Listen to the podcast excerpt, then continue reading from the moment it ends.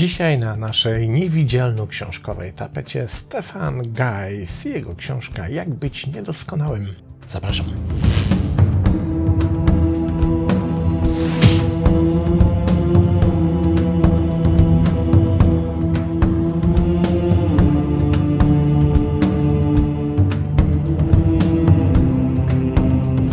Zaczynamy standardowo, jak zwykle, od sprawdzenia, kim jest autor książki.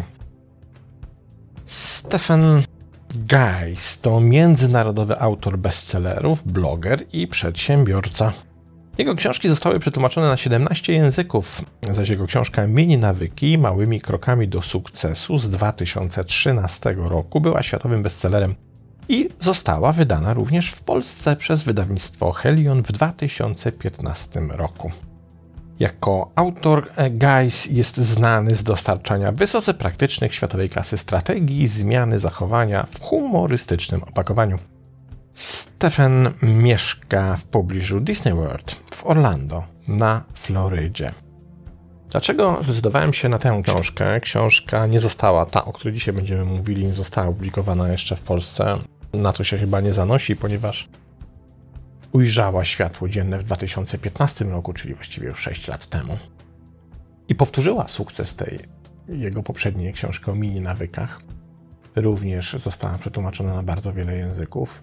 Do tej pory nie na polski. Bardzo szkoda. Powiem dlaczego szkoda. Książka jest o nieperfekcjonizmie, czyli o byciu osobą, na użytek której autor ukuł zupełnie nowe pojęcie, które moglibyśmy po polsku nazywać jako niedoskonalsi, czyli bycie niedoskonalsem. Uważa, że bycie niedoskonalsem jest dużo fajniejsze niż bycie perfekcjonistą, czy też doskonalsem. I to wydaje się właściwie proste i oczywiste. Natomiast ta książka jest ważna z innego powodu. Ona, w moim przekonaniu, wskazuje nam na to, jak bardzo się mylimy, mówiąc perfekcjonizm i myśląc o perfekcjonizmie. To, co nazywamy perfekcjonizmem, to o czym myślimy, kiedy takie słowo pojawia się w naszej głowie, czy też takie pojęcie, czy ludzie, którzy się pojawiają na skutek wypowiedzenia tego słowa w naszej głowie, to tak naprawdę wierzchołek góry lodowej. Myślę, że nie zdajemy sobie sprawy, i ta książka otwiera nam bardzo poważnie oczy na to i z tego, że perfekcjonizm, to co znajduje się pod powierzchnią wody, ta potężna część tej góry lodowej, ma olbrzymi wpływ na nasze życie. I ostatnią rzeczą, którą byśmy o to właśnie posądzali, o pewien typ naszych zachowań, jest perfekcjonizm. A tu nagle niespodzianka, okazuje się, że zachowujemy się w taki, a nie inny sposób, właśnie dlatego, że ten perfekcjonizm ciąży nad nami jak taka klątwa nad przedstawicielami ludzkości. Pokażmy to na kilku prostych przykładach. Wyobraźmy sobie taką oto scenę. Jest sobie przyjęcie, siedzą dwie psiuły, przyjaciółki, razem rozmawiają i jedna oto mówi do drugiej. Przykład zmyślony całkowicie przeze mnie. Jedna mówi do drugiej: Słuchaj, ty tak fajnie opowiadasz o fizyce jądrowej. Tak ciekawie o tym mówisz, tak pasjonująco opowiadasz o tej fizyce jądrowej. Weź zrób bloga. To byłoby strasznie fajne, gdybyś pisała takiego bloga, gdzie byś wyjaśniała ludziom w prostych i ciekawych słowach, na czym kurczę ta fizyka jądrowa polega. Ci wszyscy inni, którzy o tym mówią, nudnie jak flaki z olejem, a ty tak fajnie, barwnie, ciekawie i zachęcająco opowiadasz. I teraz uwaga. Ta koleżanka, ekspertka od super opowiadania w przystępny sposób o fizyce jądrowej, odzywa się do swojej przyjaciółki w te słowa. Eee, kto by tam to chciał czytać? To się pewnie nie spodoba, kogo by to zainteresowało, ja się chyba do tego nie nadaję, ja sobie nie poradzę, e, to wcale nie jest taki dobry pomysł, bo przecież ja bym musiała to pisać, a to nie wiadomo, czy to się w ogóle da czytać, i tak dalej, i tak dalej. Widzicie już o co chodzi? Otóż autor książki, jak być niedoskonalsem, przekonuje, że odpowiedź tej koleżanki to tak naprawdę również ukryty perfekcjonizm, którego po prostu nie widzimy. Dlaczego ona odpowiada w taki sposób? Dlaczego ona nie wierzy w siebie? Dlaczego ona nie chce podzielić się ze światem ze swoją fascynującą wiedzą, która mogłaby pomóc bardzo wielu ludziom, a przynajmniej bardzo wielu ludzi zainteresować? Czy dlatego, że ona nie wierzy w siebie? Nie. Dlatego, że pod tą wodą ten perfekcjonizm, który się tam znajduje, czyli ta większa część góry lądowej, przekonuje tąże dziewczynę do tego, że ona uznaje, że to, co zrobi, nie będzie akceptowalne przez innych.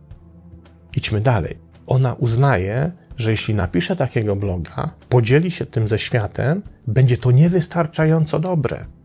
Przecież ona mówi, a gdzie mi tam do blogerów, gdzie mi tam do pisania, gdzie mi tam do tych opowieści, gdzie mi tam sięgać po takie szczyty? Widzicie? Tam jest pod spodem perfekcjonizm. Dokładnie ten sam, który ma twój szef, twoja szefowa, twoja matka, twój ojciec, który 100 tysięcy razy każe ci wycierać tą samą półkę, czy 100 tysięcy razy pisać ten sam raport, bo jest zawsze niedostatecznie doskonały. To jest ta sama zasada, ten sam fundament, to samo podłoże.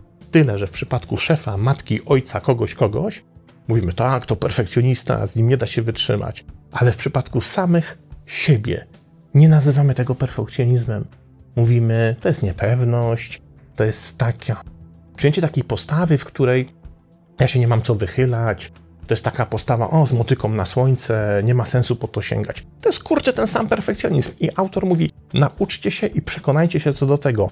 Właśnie dlatego tacy jesteście i właśnie dlatego często blokujecie rzeczy, nie tylko takie, które mogłyby odnieść sukces w naszym życiu, ale takie, które lubicie robić, do których jesteście stworzeni, które w waszym wydaniu mogłyby przynieść komuś jakąś korzyść, nie tylko wam.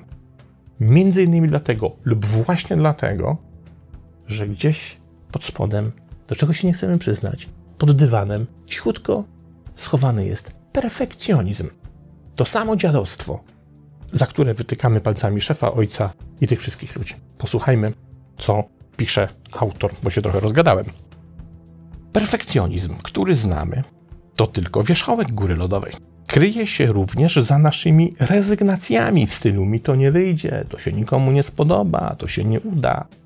Okazuje się, że jak utrzymują badacze, i tu się zaczyna robić ciekawie, ruminacja to również forma perfekcjonizmu, w której osoba obsesyjnie koncentruje się na swoich problemach i wydarzeniach, które je spowodowały. Tutaj się za chwilkę zatrzymajmy. Pamiętacie ruminację? O niej opowiadałem kilkukrotnie. To jest między innymi to zjawisko, kiedy przychodzisz do roboty, zastanawiasz się, czy zamknąłeś drzwi, czy zakręciłeś wodę, czy wyłączyłeś żelazko. To jest ruminacja, czyli obsesyjne, wręcz kompulsywne skoncentrowanie się na jakiejś przeszłej czynności. Ale ruminacja generalnie jest zjawiskiem daleko szerszym. Ruminujesz, czyli przeżuwasz również wtedy, kiedy większa część Twoich myśli jest poświęcona jakimś doświadczeniom z przeszłości, które roztrząsasz w nieskończoność, zamiast zaakceptować, że były. No tak, doświadczyłaś porażki, doświadczyłeś porażki.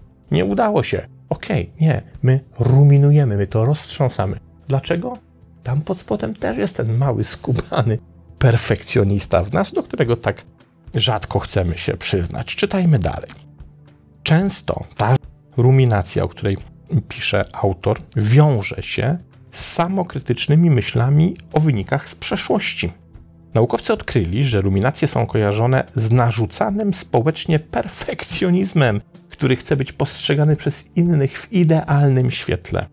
I teraz uwaga, ludzie o ukrytym faktorze perfekcjonizmu uważają, czego dowodem są myśli lub działania, co następuje. I mamy tutaj pięć punktów, po których możemy się zorientować i które autor układa w taki sposób, by nam pomóc w tym zorientowaniu się, czy czasem za określonymi naszymi działaniami, czy też zaniechaniami nie stoi właśnie perfekcjonizm, do którego tak rzadko chcemy się przyznać. Punkt pierwszy to jest myślenie, które mówi, że rozwiązy, czyli przekonanie, że rozwiązywanie problemów wymaga skupienia się na problemie. Ciekawe, nie? Punkt drugi, że oczekiwania innych wobec nas są bardzo wysokie. Punkt trzeci, że nasza tożsamość wynika z tego, jak dobrze sobie radzimy, w przeciwieństwie do tego, kim jesteśmy. Punkt czwarty, że kiedy przydarzą nam się negatywne wyniki naszych zamierzeń, to są one wyłącznie osobistymi niepowodzeniami. I czwarte to jest przekonanie, że możliwe są podróże w czasie. To nie żart. Ci ludzie, czy my, perfekcjoniści, myślimy tak na tyle się koncentrujemy na przeszłości, jakbyśmy wierzyli, że podróż w czasie jest możliwa, abyśmy tam mogli wrócić i coś zmienić, jak moglibyśmy tak zaczarować przez wehikuł czasu, żeby to, co się wydarzyło, się nie wydarzyło, żebyśmy mieli wpływ na naszą przeszłość. Nie, nie mamy wpływu na naszą przeszłość, więc jej roztrzęsanie jest działaniem marnującym naszą energię. Przeżuwanie to desperacka, daremna próba zmiany przeszłości poprzez myślenie o niej. To swego rodzaju forma zaprzeczenia. A zatem, co jest tutaj antidotum? Autor podkłada na talerzu. Akceptacja. Jak ją tłumaczy, mówi: Akceptacja oznacza, że przyjmujesz potężny cios.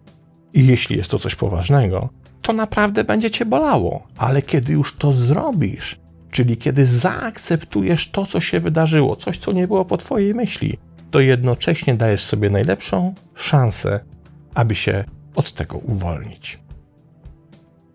Książka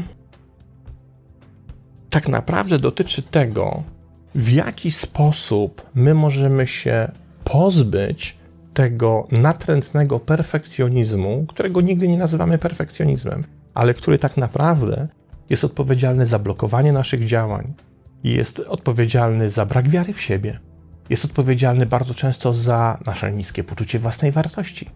No bo skoro wydaje mi się, że ja nie spełnię oczekiwań kogoś, czy też własnych, no to siłą rzeczy to musi walić w moje poczucie własnej wartości. To jest również odpowiedzialny za brak pewności siebie, za bardzo wiele różnych rzeczy, które nam po prostu utrudniają życie. I kluczem do zrozumienia tej sytuacji, kluczem do wyjścia z tego zaklętego kręgu jest próba zadania sobie bardzo głębokiego pytania i niezwykle uczciwej wobec samej, samego siebie odpowiedzi na pytanie, czy aby na pewno to, co mnie w życiu blokuje, to po co nie sięgam, a po co mógłbym sięgnąć, to czego nie robię, a co mógłbym zrobić, to z czego rezygnuję, mimo iż mam na to ochotę. Nie jest kwestią mojego wewnętrznego perfekcjonizmu, do którego nie chcę się przyznać. A nie robię tego, ponieważ uważam, że to nie znajdzie albo akceptacji innych, albo co gorsza, akceptacji samego siebie. Nie, ja nie napiszę tego bloga, bo uznam, że sam przed sobą, że to jest niewystarczająco dobre. Pokażę, uwaga, będzie prywata, pokażę wam to z mojego podwórka. Zacząłem kręcić mini wykłady w 2016 roku. Pierwsze kilkadziesiąt, dwadzieścia, trzydzieści to były materiały filmowe ze złym dźwiękiem, ze złym nagłośnieniem, z, ze zbyt głośną ścieżką muzyczną pod spodem, bo nie umiałem tego dobrze robić, nie wiedziałem, nie miałem tego wyczucia, nie miałem żadnego doświadczenia. Gdybym był skończonym perfekcjonistą, to powinienem teraz wziąć i wywalić z internetu wszystkie te materiały, wszystkie te mini wykłady, w których znalazłbym jakiekolwiek uchybienie, bo teraz już wiem, jak się kręci, wiem, jak się ustawia światła. Mniej więcej, mam nadzieję. Wiem, jak się robi dźwięk w filmie, wiem, w jaki sposób go później montować. Wtedy tego nie wiedziałem. Tylko, że gdybym podążał tą drogą, to gwarantuję Wam, prędzej czy później uznałbym, że żaden z mini wykładów nie nadaje się do publikacji, bo w każdym jest coś, co mi się nie podoba. Tu się przejęzyczyłem, tu zrobiłem jakiś głupi grymas, tutaj za zbyt głośno wciągnąłem powietrze, tam znowu coś. I znowu... Słuchajcie, to jest bez końca. To jest droga donikąd, to jest zamknięty krąg piekieł, z którego się nie da wydostać. Jeśli będziemy myśleć w ten sposób, to jedynym skutkiem takiego myślenia jest totalna inercja, nie robienie niczego. Jeśli niczego nie robisz, to jest jedyna szansa wtedy, żeby zrobić wszystko dobrze. Czyli żeby nie zrobić niczego źle. Po prostu nie rób nic. Nie byłoby żadnych mini wykładów. Nie robiłbym tego, co lubię tak naprawdę robić i co, mam nadzieję, przynosi ludziom jakiś tam rodzaj korzyści. I to powoduje, ten przykład pokazuje, jak ten podskórny, ukryty, schowany perfekcjonizm jest tak naprawdę destrukcyjny dla naszego systemu, jest wyniszczający. On powoduje, że nie sięgamy po bardzo wiele rzeczy, po które moglibyśmy sięgnąć i moglibyśmy je zrobić naprawdę bardzo dobrze. Nie chodzi o to, by perfekcyjnie, ale chodzi o to, by było to fajne, ciekawe, pożyteczne, właściwe, korzystne, dobre. Nie musi być idealne. Autor pisze dalej. Kiedy czegoś chcemy, a jednocześnie z tego rezygnujemy, to może to oznaczać, że szukamy aprobaty innych lub siebie i podejrzewamy, że jej nie zdobędziemy. To perfekcjonizm swojej zakamuflowanej postaci. to troska o siebie i popełnianie błędów zwiększa Twój niepokój i strach przed działaniem. Nigdy, przenigdy nie używaj poczucia winy jako motywacji. Chcesz sprawdzić, na ile ten ukryty perfekcjonizm jest silny w tobie? Autor daje przegenialny sposób na to, jak sprawdzić krótki test, czy na pewno jesteś wystarczająco odporny na swój wewnętrzny ukryty perfekcjonizm. Ten test składa się z kilku punktów. Posłuchajmy. Ja to będę czytał, a wy zastanówcie się, czy bylibyście choć jeden z tych punktów w stanie zrealizować. Nie kiedyś tam w nie wiadomo jakiej przyszłości, teraz. Wstajesz od oglądania tego materiału wideo, idziesz i to robisz, ok? Zobaczymy. Pierwsze. Idź na ulicę i zacznij wykonywać dziwne gesty. Umiesz tak zrobić? Drugi punkt. Wyjdź na ulicę i zacznij na głos publicznie śpiewać. Byłabyś w stanie? Byłbyś w stanie? Punkt trzeci. Wyjdź na ulicę, wiem, że jest zima, wiem, że jest mokro, wiem, że jest nieprzyjemnie, ale mimo to spróbuj sobie to wyobrazić. I połóż się na ulicy w publicznym miejscu i leż tak przez 30 sekund. Kolejny. Tutaj autor się popisuje dowcipem, który trzeba docenić. Mówi, weź i ubierz saszetkę i łaź po ulicy z tą saszetką. To jest taki sam obciach jak śpiewać. Dalej, weź i podejdź i porozmawiaj z nieznajomym. Potrafisz to zrobić? Albo wyjdź na ulicę i zacznij chodzić w zwolnionym tempie, tak jak robot na filmach. Czemu to nam się wydaje takie nie do zrobienia? Czyż nie dlatego, że boimy się, czy zostaniemy zaakceptowani przez innych? Czyż nie dlatego, że boimy się, jak sami się zaakceptujemy w takiej sytuacji? Nie tylko to, co pomyślą o nas inni, kiedy będziemy chodzić jak robot, śpiewać, nosić saszetkę, czy też wykonywać publicznie jakieś gesty, czy leżeć przez 30 sekund, ale co sami pomyślimy o sobie. Autor mówi dalej. Im bardziej absurdalne wydają ci się te pomysły, im bardziej absurdalnie dla ciebie to brzmi, by je wykonać, tym bardziej skorzystasz, kiedy to zrobisz. Tym bardziej się uwolnisz, tym bardziej się otworzysz. Książka bardzo dobra, naprawdę świetna. Mm, autor wykonał potężną robotę, mnóstwo badań, mnóstwo przykładów, mnóstwo case'ów i naprawdę wartościowych rzeczy. I jej clue, jakby najważniejsze przesłanie jest bardzo proste.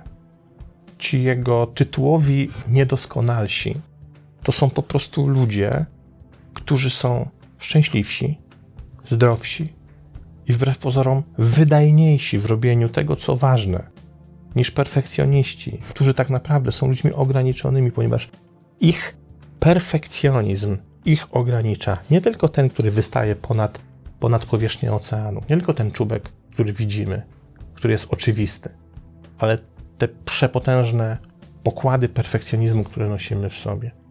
Bo perfekcjonizm to więzienie, a niedoskonałość to wolność. Tyle. Do następnego razu. Pozdrawiam.